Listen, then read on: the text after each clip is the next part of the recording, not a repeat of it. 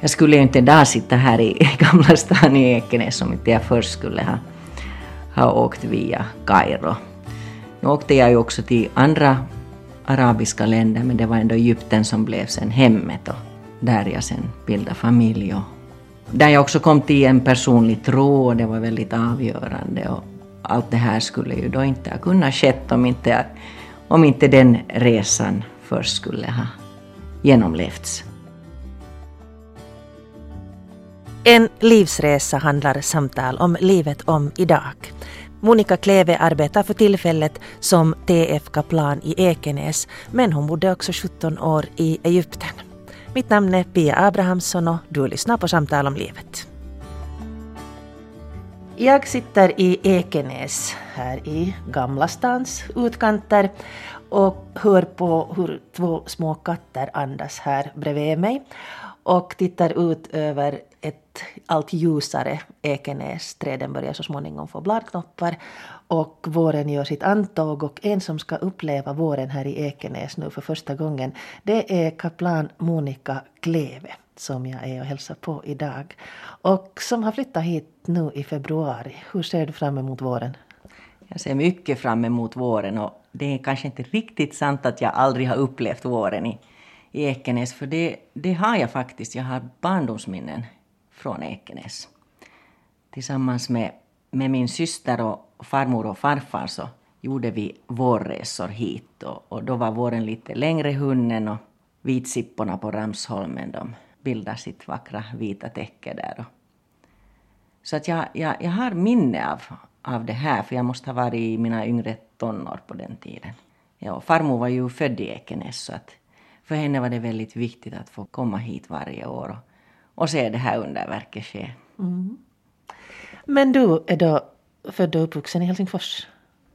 Berätta lite om, om, din uppväxt. Jag har bott på flera ställen i Helsingfors. Ehm, folkskolan gick jag i Kronohagen tre år. Och sen gick jag ända upp till student i, i Lönkan vid Töletorg.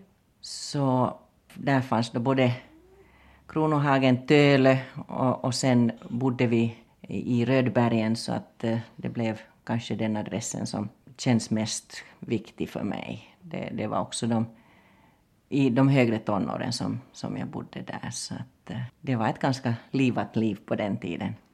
Berätta lite om din uppväxt. Hurdan, du hade en syster sa du. Hurdan var din familj? Jag skulle säga att min familj var, var väldigt konstnärlig. Min pappa skrev böcker och, och var lärare i historia mamma är översättare. Och, så det var mycket just med, med böcker och kultur och läsa och prata och diskutera. Ibland ganska bökigt men nu så här med facit på hand så en bra uppväxt. Och ungdomstiden då, du är nu 50 plus så det var med andra ord på 60-talet, 70-talet, de här vilda åren?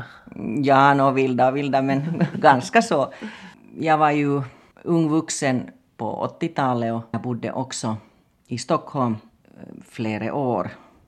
Jobbade inom vården och det var egentligen den vägen som, som jag kom in på min första utbildning. Jag tyckte väldigt bra om att jobba i vården och det var ett jätteungt och roligt team som, som vi hade i Sverige. Och det var en, en blandning av, ja mest var vi från Finland faktiskt, men det fanns också vissa andra utlänningar, väldigt få svenskar på 80-talet på, på det sjukhuset som, som jag jobbade på. Så det var, en, det var en rolig tid också att vara, vara i ett annat land som ändå är nära men det var också säkert frågan om något slag av frigörelseprocess. Och att man höll på att bli vuxen mm. så att säga. Och Stockholm är ju underskön stad så att jag njöt mycket av, av hur vackert det är i Stockholm. Mm. Var det alltså som vårdbiträde du jobbade då eller? Ja, det hette vårdbiträde och Sen blev jag nog... Jag har ett minne av att min mamma lite vägledde mig där och det är jag mycket tacksam för. Jag tror att man behöver lite hjälp på traven för jag hade faktiskt ingen, ingen aning om vad jag skulle bli när jag skulle bli stor. Så hon sa att du kan alltid söka in till sjukis. Och så sökte jag först till konditionsskötare men kom inte in. Men då hade väl psykologen sen skrivit i pappren att om, om jag söker en gång till. Jag var då inte medveten om det här men först sen efteråt att om jag visar ett sånt här intresse att jag söker en gång till in till sjukhus så, så skulle de då anta mig. Och så kom jag in på sjukskötarutbildningen som jag sen valde att söka till. Och, och det var en väldigt bra basutbildning. Mm. Var det här med vården, du sa att du inte visste vad det skulle bli när du blev stor men, men du hade ändå då jobbat som vårdbiträde i Stockholm. Är det någonting som har legat dig nära eller, eller kommit på något sätt via släktingar eller förebilder? Ja, precis som du nämner så fanns det i släkten just uh, sjukskötare. Många sjukskötare på min mammas sida. Att min mormor var ju sjukskötare. Hon fick sitt betyg av Sofie Mannerheim och var mycket stolt över det här, vilket hon ofta berättade om det här på kirurgens trappor. Och eh, min moster är hälsovårdare, och, så det fanns en tradition. Och sjukskötararbete är ju ett, ett mycket högt värderat arbete idag. Jag läste någon statistik just i Hufvudstadsbladet att det hör till de främsta jobben när det gäller vad folk har för, förtroende för och så. Det, det blir man ju glad över att, att läsa. Och det är ju ett mycket givande jobb. Det är ju inte bara den här tekniska sjukvården som, som jag då tänker på utan hela den sociala biten och, och, och hur man närmar sig en annan människa och då en, en människa som lider av ohälsa. Förutom då sen, och det vill jag poängtera, äldreomsorgen som jag sen mera kom att att jobba med så där handlar det ju inte om sjukdom som så. Det är många äldre har ju sjukdomar men det här att vara äldre det betyder ju inte att man är sjuk. Mm. Så det här måste vi komma bort ifrån och, lyfta fram de här äldre människorna som pärlor. Blev det då med samma äldrevården eller jobbade du också inom den vanliga sjukvården i början? Jag har jobbat också inom kirurgisk sjukvård men det var en kortare tid i och med att äldreomsorgen var, var det jobb så att säga som blev mitt första så blev, blev det också det som kändes som det rätta. Och det som jag tror att ändå passar mig sist och slutligen bäst för jag tycker om att samtala. Mm. Du specialiserade dig då också på vad då? Mycket riktigt, jag tog en, en där specialutbildning i inre medicin och kirurgi och den, den, den utbildningen är mycket bred och lämpar sig ju bra för, för äldreomsorg där det tyvärr ju är ofta så att man, måste ta piller till hjälp och, och det där, så det är ju nog bra med den, den, den kunskapen givetvis. Mm. Nå, sen senare efter det att du hade då jobbat en tid som sjukskötare så ville du då se världen och det blev Afrika och Egypten. Varför blev det så här att du for iväg? Det är ganska långa vägar ändå att fara som en ensam ung kvinna. Det är ganska långa vägar, men det var kanske det som var grejen. Eh, en, en annan frigörelseprocess och, och, och se någonting annat. Jag kommer ihåg att jag hade i bakhuvudet nog en sån här tanke om att jag vill uppleva någonting svårt, det vill säga kanske ett bättre ord är en utmaning. Jag är ganska frisk på utmaningar så passar säkert min person som så. Och jag hade möjlighet att åka ekonomisk möjlighet. Mm. Och, eh, så det var så att säga en lustresa? Nej, nej, det var nog inte en lustresa, det var nog en livsresa. Det var det i allra högsta grad. Min, min far dog så jag kunde på det sättet åka. Sen, Men vad var det som jag funderade på, att vad, vad drev dig? Alltså, hur kom du på en sån tanke att, att nu ska jag fara till Egypten? Jag läste väldigt mycket Tintin i min yngre redan tidigt började läsa Tintin och fascinerades över det där resande. Jag tror att det här ligger ganska nära till hands när man är ung och frisk och, och nyfiken på världen. Och det här med pyramiderna börjar bli väldigt intressant och jag, med stark intuition så kändes det som att det är Egypten som dit pilen visar. Och, och, och så blev det. Mm. Så blev det. Du kallar det för en livsresa. Ja. På vilket sätt är det en livsresa? Ja, för den var så omvälvande. Den var så jätteomvälvande att jag skulle ju inte idag sitta här i Gamla stan i Ekenäs om inte jag först skulle ha, ha åkt via Kairo. Nu åkte jag ju också till andra arabiska länder men det var ändå Egypten som blev sen hemmet och där jag sen bildade familj och där jag också kom till en personlig tro och det var väldigt avgörande. Och allt det här skulle ju då inte ha kunnat skett om inte, om inte den resan först skulle ha genomlevts. Mm. Så du träffar två signifikanta personer i Kairo, det vill säga din man Musse och Gud? Det kan man säga, ja. Musse och Jesus. Rätt och slätt, ja. Kan du berätta någonting om hur, hur gick det till? Ja, jag träffade Musse, jag träffade Musse på ett sånt här café som frekventerades av både utlänningar och, och egyptier.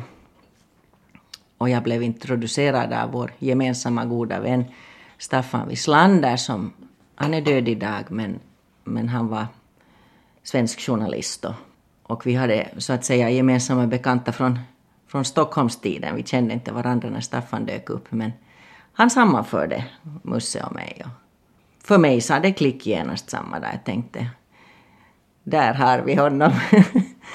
och, och sen dess, sen dess har vi varit ihop. Ja. Mm. Och det är nu då hur länge sen? Ja, det är länge sen. Alltså vi, vi är ju ett gammalt par. Vi har varit gifta 25 år. Så att eh, så gick det till. Ja. Mm. Mm. Vi ska återkomma till det andra signifikanta mötet här om en stund men jag har bett dig välja musik. Ja. Och jag ser att du har skivor här framför dig jag på bordet. Jag har några skivor och sen har jag varit inne på nätet och youtubat mig. Och, äh, arabisk popmusik älskar jag. Mm. Och här har vi Amre Diab som är en av de allra största idag. Det här är verkligen frågan om lättsam popmusik. han ser har... ganska bra ut. Jo, han är mycket stilig. Jag har valt en sång som heter Illa Habibi, så det är ungefär allt förutom min älskling på svenska i svensk översättning. Och den här är rivig och, och har den här arabiska rytmen som fortfarande får mig igång. Vi ska lyssna på den.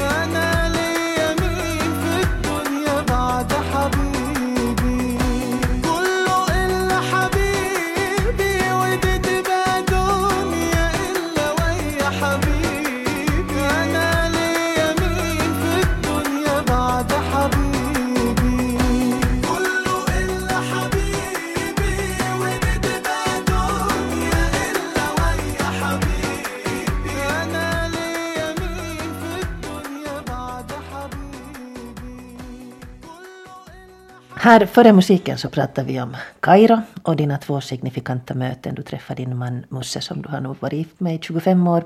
Men sen kom du också till en personlig tro. Hängde de här båda sakerna ihop eller skedde de var för sig?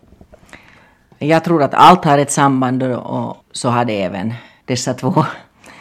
Det var en, en, i samband med en livskris som hela kapitlet med meningen med livet och vad gör jag här och vad ska jag göra och, och en, en längtan efter mål och mening som, som aktualiserar sen så att säga min, min, min gamla söndagstro. Vad var det som satte igång den här krisen?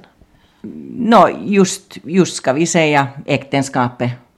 Jag vet inte om det, om det är flera saker att fundera på när man kommer från olika kulturer, men jag kan tänka mig att det är det.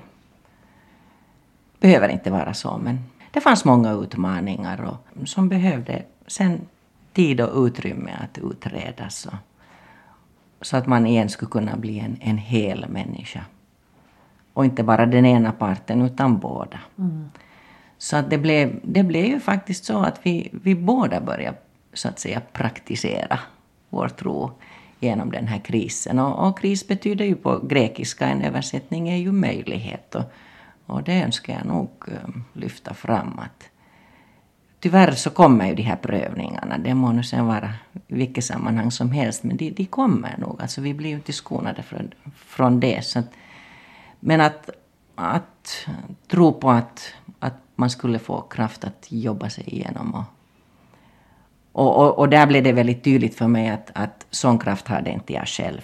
Så att eh, jag fick hjälp.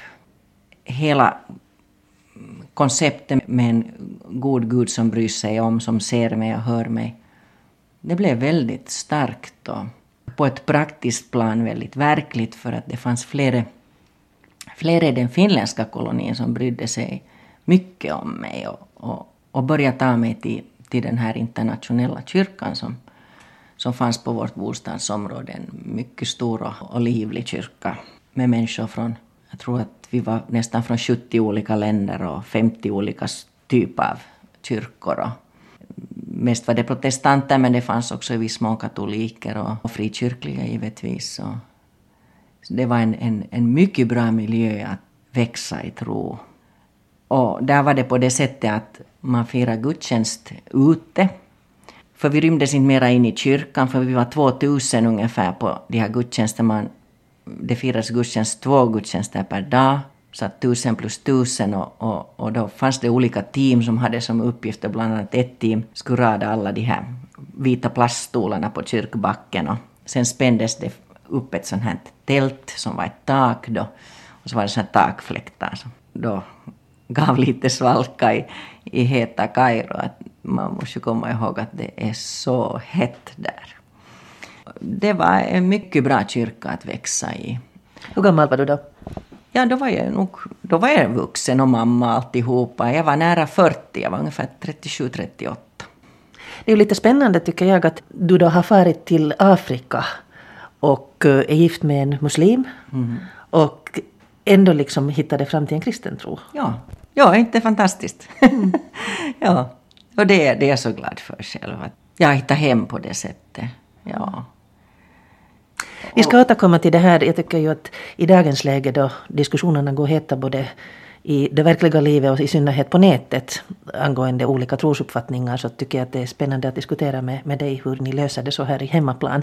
Men det där, om vi ännu går tillbaka till Egypten då, alltså jobbade du där då i det skedet? Jag har haft många bra jobb i, i Kairo. I tidernas begynnelse så var jag turistguide med, med, med finska turister och, och sen har jag jobbat som barnträdgårdslärare och, och, det, var, det var fint för att jag kunde då koppla ihop det här med att våra söner fick gå i samma, samma dagis så jag fick så att säga vara hemmamamma fast jag var på jobb.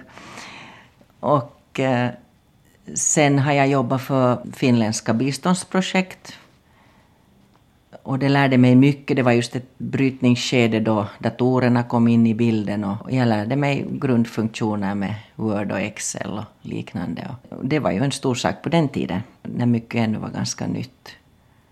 Och sen sista åtta åren så jobbade jag för Finlands ambassad i Kairo. Det var ett toppenjobb som jag mycket tyckte om. Mm. Hur var det att bo och leva och vara mamma i en ändå så annorlunda kultur? No, I och med att jag är vit kvinna och utlänning så var jag privilegierad. Det här är orättvist men det är så här det var.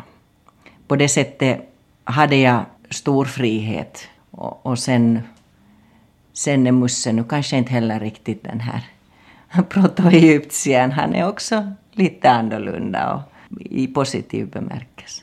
Mm. Mm. Så du kunde röra dig fritt och behövde inte täcka dig och hade frihet att bestämma över dina angelägenheter? Ja, nej, det har aldrig varit tal om att jag skulle täcka håret av, på grund av min man eller så. Så att, eh, däremot kan jag tänka mig använda solhatt och, och, och varför, varför inte? Jag har en viss förkärlek faktiskt för att sätta saker på mitt huvud så det, det är inte, det är inte en, en, en omöjlighet men det handlar då inte om, om, om en, en yttring av, av religion eller så. Mm. Ja. Och sen då 2003 så bar det av tillbaka till Finland. Hur kom ni fram till det beslutet att ni skulle flytta hit? Det var tidigt under hösten det året som Musse började säga att nu ska vi nog flytta till Finland. Att, att pojkarna borde få pröva på det här fina finländska skolsystemet som han hade hört mig berätta om. Och, och också han hade erfarenhet av av eh, Svenska skolklubben i, i Kairo där pojkarna också gick ungefär varannan vecka och där jag också var lärare en tid. Så han, han, han var imponerad över det här hur, hur man fick tänka och analysera. På vilket sätt skiljer det sig då från det här egyptiska skolsystemet? No, egyptiska skolsystemet är, är på det sättet gammaldags, så här som det var förr i Finland, att man lärde sig utan till. Och sen har det nog att göra också med, med lönefrågor och annat så att kanske inte motivationen alltid finns eh, under dagtid. Så att det blir frågan om mycket, mycket privatlektioner fast man nu egentligen inte skulle behöva det. Så att eh, jag tror ju själv att det här var en, en, en av, av Herrens briljanta planer att uh, han uh, via min man, som ju då ändå kommer från en mycket patriarkalisk kultur, det var ju den här vägen som det måste gå. Musse sa och så åkte vi. Och jag kommer ihåg att jag försökte protestera, för jag sa, vad ska vi i Finland då göra? Och, och då sa han att jo, vi ska dit. Och, och, och så frågade jag så här, menar du verkligen att, att vi ska flytta? Jo, jo, sa han. Så, så sen hade jag bara en fråga kvar. No, men ska jag börja ordna då för det här? Jo, sa han. Och så så började vi googla och vi skickade mycket e-post till apotek då Musse fick jobb och sen såg jag i Hufvudstadsbladet en annons att de sökte en biträdande överskötare till Blomsterfonden. Så åkte jag på arbetsintervju från Kairo till Helsingfors. Och så valde de mig bland ett antal sökande. Och, så att allt ordnade sig. Och där kan man väl säga så här att, att varför sparka in dörrar som är stängda när det finns sådana som är öppna? Och det kändes ju verkligen så. Precis på samma sätt känns det nu för mig att vara här i Ekenäs. Mm. Du hade alltså börjat redan i Kairo studera teologi. Vi ska återkomma till den biten av ditt liv som då har lett till att du sitter här. Men du har valt en annan skiva åt oss att lyssna på. Jag har valt en riktig sån här hederlig rikssvensk trallballad. Eller ballad är det väl inte, den är nog lite mer svängigare. Per Gessle, vilket håll du än går. Den är så glad. Och det här med att, att få känna glädje och, och över små saker också, det här är jätteviktigt. Det är ju så mycket enklare om man orkar lite se glad ut. Fast det orkar man ju inte alltid om man har tampas med stora problem. Men, men att man skulle kunna se också de där små guldkornen fast, fast det finns mycket damm emellan.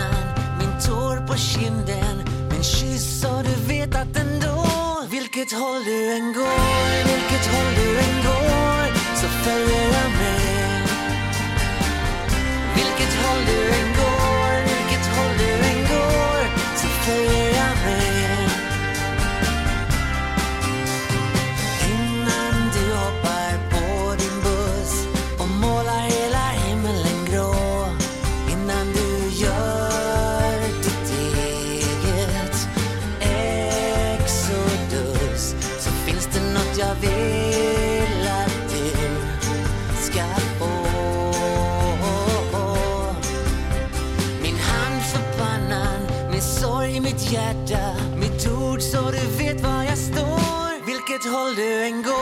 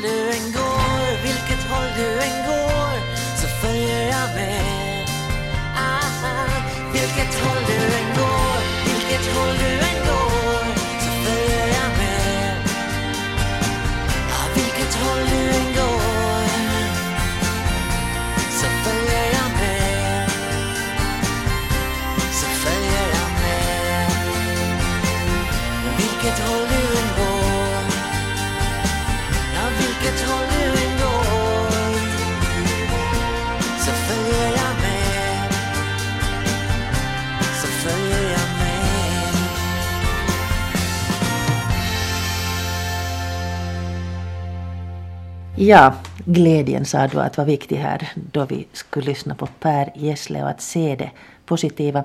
Den livskrisen som förde dig då till tro ledde då också till att du började studera teologi. Det stämmer. Och nu för tiden är det ju så, så finurligt att, att man ju kan sitta i Kairo och, och avlägga tentor via nätet vid Åbo Akademi och, och det var då det här öppna universitetet som jag då kom i kontakt med. Jag kände inte till alls det här då, då i, i, i Kairo men, men jag hade en, en stor längtan efter teologisk kunskap så jag började googla och hitta sen då öppna universitetets möjligheter och, och avlade då ungefär det som fanns till buds då inom praktisk teologi, två nätkurser per termin. Och det, det är precis som det står på öppna universitetets hemsidor att det kan vara en väg till en ny, ny inriktning i, i livet. Och, Då du började studera så var det då av kunskapstörst eller hade du en målmedveten tanke på att du skulle bli teolog? det var ganska klart nog för mig det här, men det var nog ingenting som jag gjorde någon affär av. Men i och med vi talade tidigare om det här med att, att den här sjukskötartraditionen fanns på min mammas sida, så fanns då den här prästtraditionen på min pappas sida. Min syster påminde mig sen senare om att farfar hade haft en, en vision redan på 70-talet om att jag skulle bli präst. Och det var ju innan kvinnor kunde vigas till prästämbete här. Så att, eh, det kändes nog som att, att det, var, det var en början på en väg och, och det är bra att det tog lång tid och många år och att saker och ting fick mogna fram. Och, och att bli präst vid 50 så tror jag inte alls är någon dum sak. Mm. Faktum är att i den här serien Samtal om livet så har vi talat med flera stycken som har gjort det här mittlivsvalet att bli präst vid 50. Vad, vad tror du att det beror på? Vad är det? må- Många gånger söker man ju kanske just i 40-50-årsåldern, man får en insikt om sin egen dödlighet och, och kanske börjar fundera på livet lite mera och, och söker en ny inriktning. Men för dig verkar det ju ha varit en ganska sån här klar linje efter det att du, du hittade den här personliga tron. Det är nog som du säger, för i ungdomen så, så var jag splittrad på det sättet. Jag var intresserad av så många saker. Och sjukskötare var som sagt en, en väldigt bra början på det här och jag ser ju också hur mycket eh, hjälp jag har av, av den utbildningen och den arbetserfarenheten i mitt nuvarande jobb. Men just det här riktiga intresset så har nog hela tiden varit den här teologin. Och, och, och, och framförallt hur, hur den här teologin, inte bara som vetenskap, men hur, hur den då tar sig uttryck i, i, i praktiska möten med människor. Mm.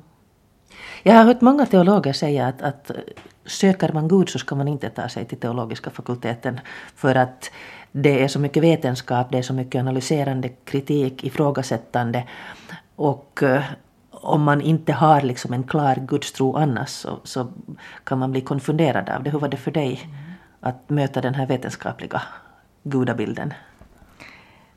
Den, den är viktig den också. Och, och det är klart, nu fanns det perioder då, då det kändes mera, mera intressant, ska vi säga, att, att intellektualisera allting. Men, eh, men jag försöker sköta mitt böneliv och, och så, så att eh, den risken var inte ändå överhängande eftersom det, det är inte vetenskapen kanske ändå som kommer först i mitt liv. Och jag är väldigt, väldigt praktiskt lagd.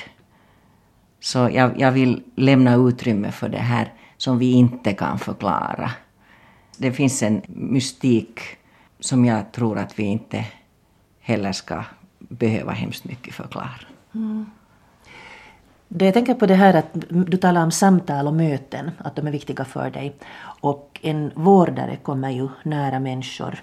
Okej, äldre människor är inte sjuka, men man är kanske sårbar, utsatt på ett annat sätt när man då begränsas till en del av det att man är äldre och kanske inte klarar saker själv. Och är man sjuk så är man ju väldigt sårbar och utsatt. Så det mötet där i och med en människa som så att säga är öppen för ett möte, som har en, en motivation till ett möte eftersom man behöver någonting. Medan däremot som präst, om du ska nå ut till de människorna som är mitt i arbetslivet, som kanske inte har färdigt en, en kontaktyta.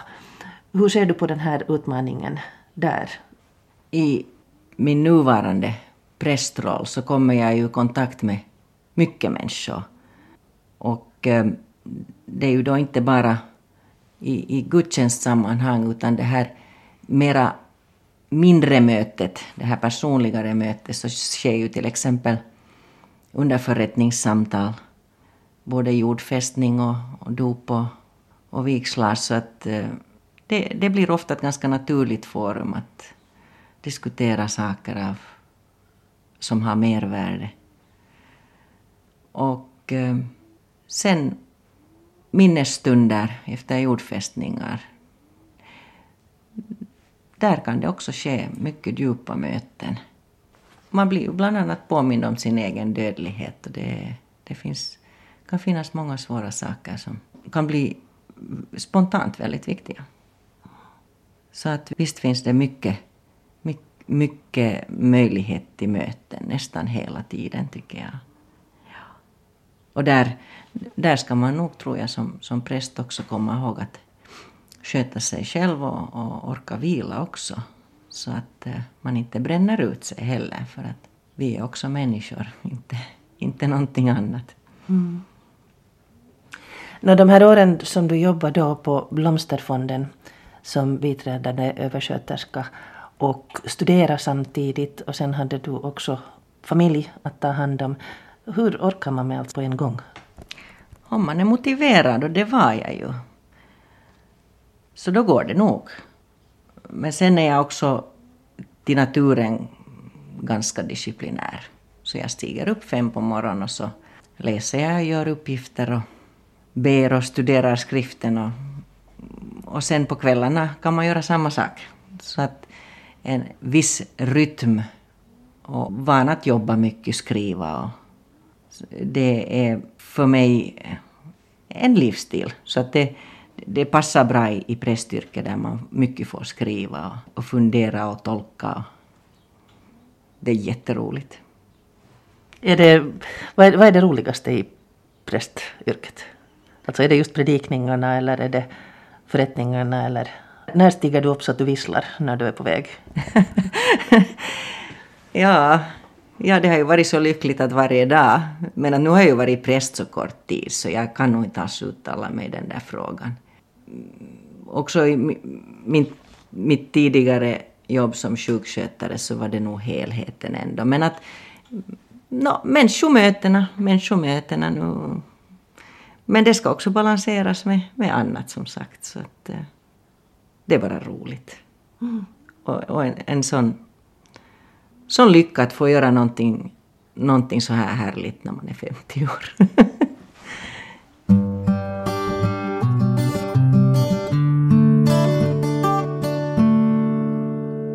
Jag diskuterar med Monica Kleve Kaplan här i Ekenäs och hon blev prästvigd då som 50-åring. Jag funderar på det här med kvinna, alltså din man är egyptier och du har levt 17 år i en muslimsk kultur. Han är också muslim. Och eh, här har vi ju också haft den här diskussionen om kvinnopräster. Kvinnlig styrka, hur ser du på det eh, i förhållande till både ska vi se dina upplevelser i Egypten och din upplevelse nu här i, i den här vår evangeliska kyrka? Ja, no, jag är ju kvinna, så det är ju ingenting att hymla om. Och det är kvinna jag ska vara. Eh, jag ser det så här att mina medsystrar som har varit präster innan mig, till exempel här då i Ekenäs, de har gjort ett gott arbete. Ändå har vi inom den lutherska kyrkan så har vi just nu ett gäng som håller på att bryta sig ur kyrkan därför ja. för att de inte accepterar kvinnor som präster. Ja, ja. ja så är det. Så är det. Och var och en måste, måste gå efter sin övertygelse så att inte har jag problem med det. Man, man har den övertygelse man har. Jag ser däremot inte ett, ett hinder alls i och med att vår, vår kyrka inte heller ser det. Och, eh, men det är klart, jag har ju fått eh, också fundera mycket på det här och beakta det mycket. Jag har också många, många vänner som tänker olika än jag. Så att... Eh... Det känns ibland nämligen då jag diskuterar med yngre människor så känns det som om en viss sån här, speciellt i troendekretsar, som en viss sån här polarisering av det här man-kvinna förhållandet skulle vara på kommande, en slags nykonservatism, att män ska vara män och kvinnor ska vara kvinnor.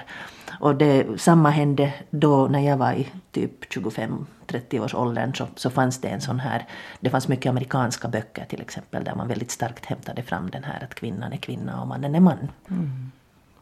Ja, no, jag är ju ganska, jag har ju fått mycket träning i och med att jag har bott i ett patriarkaliskt land och och jag ser också att män är män och kvinnor är kvinnor och man behöver nu inte så hemskt mycket hålla på och hopa och ropa om den här saken. Ehm, trosvägarna är olika hos folk och, och, man måste ju följa sin övertygelse. Så att jag tycker egentligen den här frågan är ganska ointressant. Mm. Nå, då tar vi en annan fråga som jag tycker är väldigt intressant, det vill säga du och din man delar säng och ni delar tron på en högre makt. Men ni har olika namn på era gudar. Hur går det här till i praktiken? Han är alltså muslim och du är kristen och ni båda hittade en personlig tro via en, en livskris, en äktenskapskris. Hur löser man det här i praktiken? Jag menar, så som man ser diskussionerna bölja kring olika trosuppfattningar och speciellt då ni båda då liksom är aktivt troende. Ja. Hur funkar det i praktiken? No, det är kanske just därför att vi båda är aktivt troende. Um, jo, vi, vi har diskuterat det här och, och diskuterar ofta den här typens religionsdialogfrågor. Mm, däremot, ehm, det arabiska namnet för Gud, Allah, betyder ju Gud också för de kristna egyptierna. Mera talar kristna egyptier om, om, om Herre Gud i herreform, men Allah betyder faktiskt Gud för både kristna och, och muslimer. Men eh, jo, vi har olika tro, olika Gud. Och så är det. Och det här har vi ju accepterat att det är så här. Så vi behöver inte bråka om den saken. Utan vi har inte sådana där gräl att min Gud är bättre än din Gud. Nej, nej, det är ju löjligt. Vi, vi tolkar olika. Så på det sättet, på det sättet fungerar det ju. Är det det som avgör, du sa det att, att det att ni båda är aktivt troende, är det det som gör att ni ändå hittar en gemensam plattform, att det finns, finns den här tron på att någonting, det finns någonting mer än det vi ser? Jo, man kan säga så här att man kan ju försöka överträffa varandra i, i kärlek. Då tror jag det hjälper att man har en övertygelse som stöder en på den vägen. Det Hur är det med pojkarna? Eh, Pojkarna, ja, de, de är ju upp, uppvuxna med, med en muslimsk far och en kristen mor så att det, det får de fundera ut sen, sen hur, hur, de, hur de ser på, på, ja, hur de tolkar sin verklighet. Men de är, de är alltså nog uppfostrade som muslimer men i, i och med att, att jag har varit så mycket med i i, i församling i både Kairo och Helsingfors och, och när de då ännu bodde, bodde med oss under samma tak så, så fanns där ett stort intresse nog att, att höra vad prästen hade predikat om. Så jag brukar, jag brukar göra så egentligen att när jag kom hem från söndags mässan så gjorde jag frukost åt familjen och så fick jag den här frågan och så fick jag, så, så fick jag ge vidare det glada budskapet. Och det var ju ett mycket bra system det här. Så att eh, när man får frågor ska man svara. Jag tänker bara på något, några hundra år tillbaka då den vita mannen for till Afrika med bibeln i handen och skulle frälsa små negerbarn så att de inte skulle hamna i den eviga elden. Hur ser du, du har inget sånt här behov att missionera då? Nej, jag frälsar ingen, det är Herren som frälsar. Så att vi, mi, mitt arbete är att be för folk och det, det ska jag fortsätta med. Vi ska lyssna på ännu en låt här förrän vi slutar och då har du valt en tillbedjan. Ja, en tillbedjan och, och den här Adoramus te Christe, Kristus vi tillbeder dig är en, en mycket fin, fin avrundning tror jag på, på detta samtal. Eh, mycket används den här i, i, i vår kyrka och, och vi kommer att också sjunga och be den här, här i Ekenäs. Jag har också kommit i kontakt med den här samma bönen inom, eh, inom Tomasmässan i Helsingfors. Och sen, det här är ju egentligen en sån här TC-sång som, som mycket används. Så den är, den är kontemplativ och lugn. Jag är ju en ganska spontan, intensiv människa men jag har också en annan sida som är mera kontemplativ och kan tidvis eh, ta sig riktigt konkreta uttryck att jag kanske drar mig tillbaka samla krafter. Musik